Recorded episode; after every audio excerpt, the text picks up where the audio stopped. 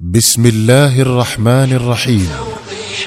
شوقي للقياهم يزيد ولحبهم هتف القصر يا جيل أتباع الهدى أشرق علينا من جديد شوقي يسر جمعية مودة أن تقدم لكم صورا من حياة الصحابة لعبد الرحمن رأفت الباشا. رحمه الله. عبد الله بن مسعود رضي الله عنه. قادة الدنيا فمن قادوا ولا عرفوا المحيط هم أسوة الإنسان في الأقوال والفعل السديد. كان يومئذ غلاما يافعا لم يجاوز الحلم وكان يسرح في شعاب مكة بعيدا عن الناس ومعه غنم يرعاها لسيد من سادات قريش هو عقبة بن معيط. كان الناس ينادونه ابن أم عبد أما اسمه فهو عبد الله وأما اسم أبيه فمسعود. كان الغلام يسمع بأخبار النبي الذي ظهر في قومه فلا يأبه لها لصغر سنه من جهة ولبعده عن المجتمع المكي من جهة أخرى. فقد داب على أن يخرج بغنم عقبة منذ البكور ثم لا يعود بها إلا إذا أقبل الليل. وفي ذات يوم أبصر الغلام المكي عبد الله بن مسعود كهلين عليهما الوقار يتجهان نحوه من بعيد وقد أخذ الجهد منهما كل ماخذ واشتد عليهما الظمأ حتى جفت منهما الشفاه والحلوق.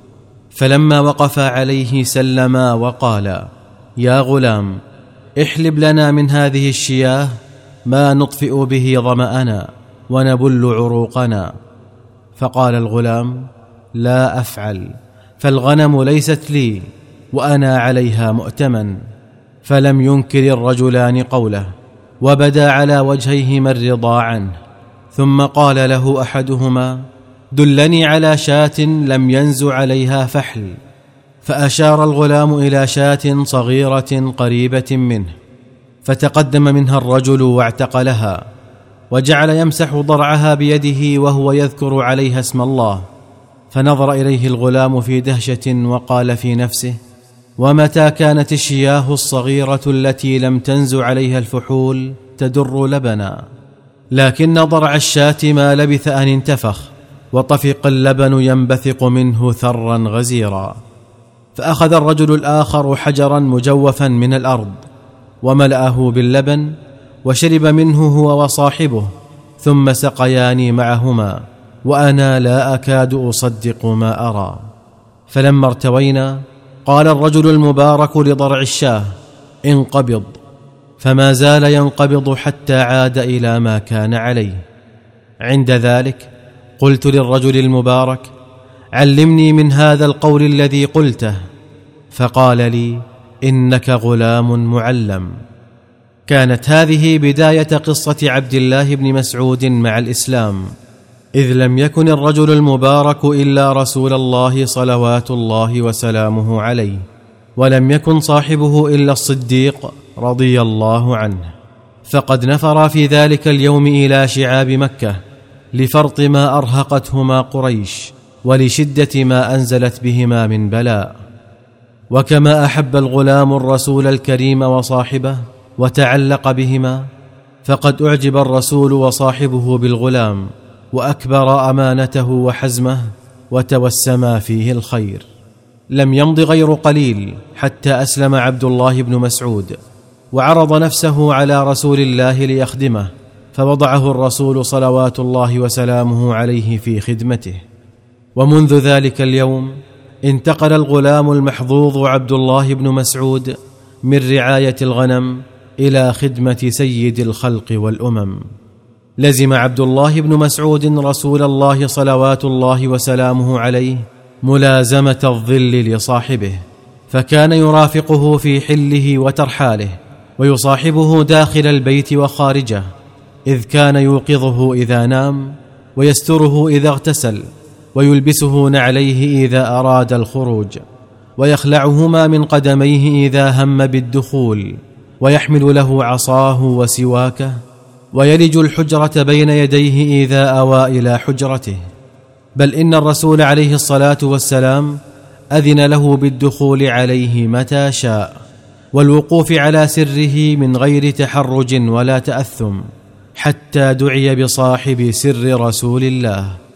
ربي عبد الله بن مسعود في بيت رسول الله فاهتدى بهديه وتخلق بشمائله. وتابعه في كل خصلة من خصاله حتى قيل عنه إنه أقرب الناس إلى رسول الله صلى الله عليه وسلم هديا وسمتا. وتعلم ابن مسعود في مدرسة الرسول صلوات الله وسلامه عليه فكان من أقرأ الصحابة للقرآن وأفقههم لمعانيه وأعلمهم بشرع الله. ولا أدل على ذلك من حكاية ذلك الرجل الذي أقبل على عمر بن الخطاب وهو واقف بعرفة فقال له جئت يا أمير المؤمنين من الكوفة وتركت بها رجلا يملي المصاحف عن ظهر قلبه فغضب عمر غضبا قلما غضب مثله وانتفخ حتى كاد يملأ ما بين شعبتي الرحل وقال من هو ويحك؟ قال عبد الله بن مسعود. فما زال ينطفئ ويسرى عنه حتى عاد إلى حاله. ثم قال ويحك والله ما أعلم أنه بقي أحد من الناس أحق بهذا الأمر منه وسأحدثك عن ذلك. واستأنف عمر كلامه فقال كان رسول الله صلى الله عليه وسلم يسمر ذات ليلة عند أبي بكر ويتفاوضان في أمر المسلمين وكنت معهما. ثم خرج رسول الله وخرجنا معه. فإذا رجل قائم يصلي بالمسجد لم نتبينه. فوقف رسول الله صلى الله عليه وسلم يستمع إليه. ثم التفت إلينا وقال من سره أن يقرأ القرآن رطبا كما نزل فليقرأه على قراءة ابن أم عبد. ثم جلس عبد الله بن مسعود يدعو. فجعل الرسول عليه الصلاة والسلام يقول له سل تعطه سل تعطه. ثم أتبع عمر يقول فقلت في نفسي والله لأغدون على عبد الله بن مسعود ولأبشرنه بتأمين الرسول صلى الله عليه وسلم على دعائه. فغدوت عليه فبشرته فوجدت أبا بكر قد سبقني إليه فبشره.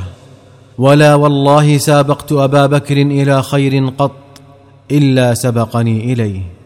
ولقد بلغ من علم عبد الله بن مسعود بكتاب الله أنه كان يقول والله الذي لا إله غيره ما نزلت آية من كتاب الله إلا وأنا أعلم أين نزلت وأعلم فيما نزلت. ولو أعلم أن احدا أعلم مني بكتاب الله تناله المطي لأتيته. لم يكن عبد الله بن مسعود مبالغا فيما قاله عن نفسه فهذا عمر بن الخطاب رضي الله عنه يلقى ركبا في سفر من أسفاره والليل مخيم يحجب الركب بظلامه. وكان في الركب عبد الله بن مسعود فأمر عمر رجلا أن يناديهم من أين القوم؟ فأجابه عبد الله من الفج العميق. فقال عمر أين تريدون؟ فقال عبد الله البيت العتيق. فقال عمر إن فيهم عالما. وأمر رجلا فناداهم أي القرآن أعظم؟ فأجابه عبد الله الله لا إله إلا هو الحي القيوم. لا تأخذه سنة ولا نوم. قال نادهم أي القرآن أحكم؟ فقال عبد الله إن الله يأمر بالعدل والإحسان وإيتاء ذي القربى وينهى عن الفحشاء والمنكر والبغي يعظكم لعلكم تذكرون. فقال عمر نادهم أي القرآن أجمع؟ فقال عبد الله فمن يعمل مثقال ذرة خيرا يره ومن يعمل مثقال ذرة شرا يره. فقال عمر نادهم أي القرآن أخوف؟ فقال عبد الله ليس بأمانيكم ولا أماني أهل الكتاب. من يعمل سوءا يجز به ولا يجد له من دون الله وليا ولا نصيرا. فقال عمر نادهم أي القرآن أرجى؟ فقال عبد الله قل يا عبادي الذين اسرفوا على انفسهم لا تقنطوا من رحمه الله ان الله يغفر الذنوب جميعا انه هو الغفور الرحيم فقال عمر نادهم أفيكم عبد الله بن مسعود؟ قالوا اللهم نعم. ولم يكن عبد الله بن مسعود قارئا عالما عابدا زاهدا فحسب. وإنما كان مع ذلك قويا حازما مجاهدا مقداما إذا جد الجد. فحسبه أنه أول مسلم على ظهر الأرض جهر بالقرآن بعد رسول الله صلى الله عليه وسلم. فقد اجتمع يوما أصحاب رسول الله في مكة.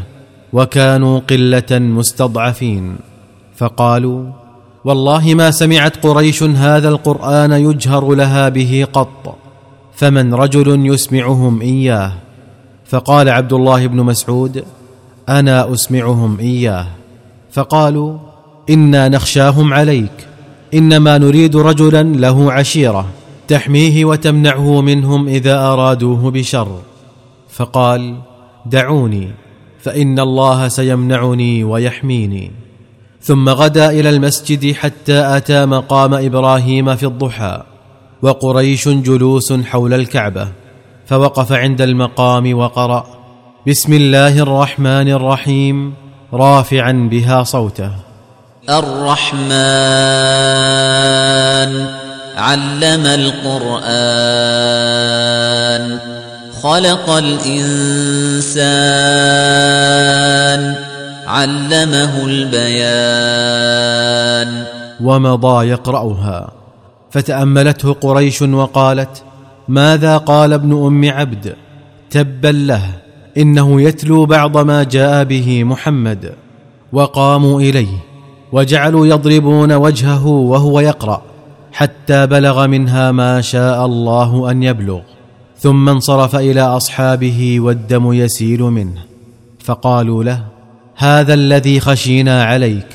فقال والله ما كان أعداء الله أهون في عيني منهم الآن وإن شئتم لأغادينهم بمثلها غدا.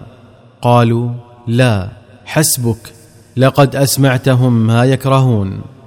عاش عبد الله بن مسعود إلى زمن خلافة عثمان رضي الله عنه. فلما مرض مرض الموت جاءه عثمان عائدا فقال له ما تشتكي؟ قال ذنوبي. قال فما تشتهي؟ قال رحمة ربي. قال ألا آمر لك بعطائك الذي امتنعت عن أخذه منذ سنين؟ قال لا حاجة لي به. قال يكون لبناتك من بعدك. قال أتخشى على بنات الفقر؟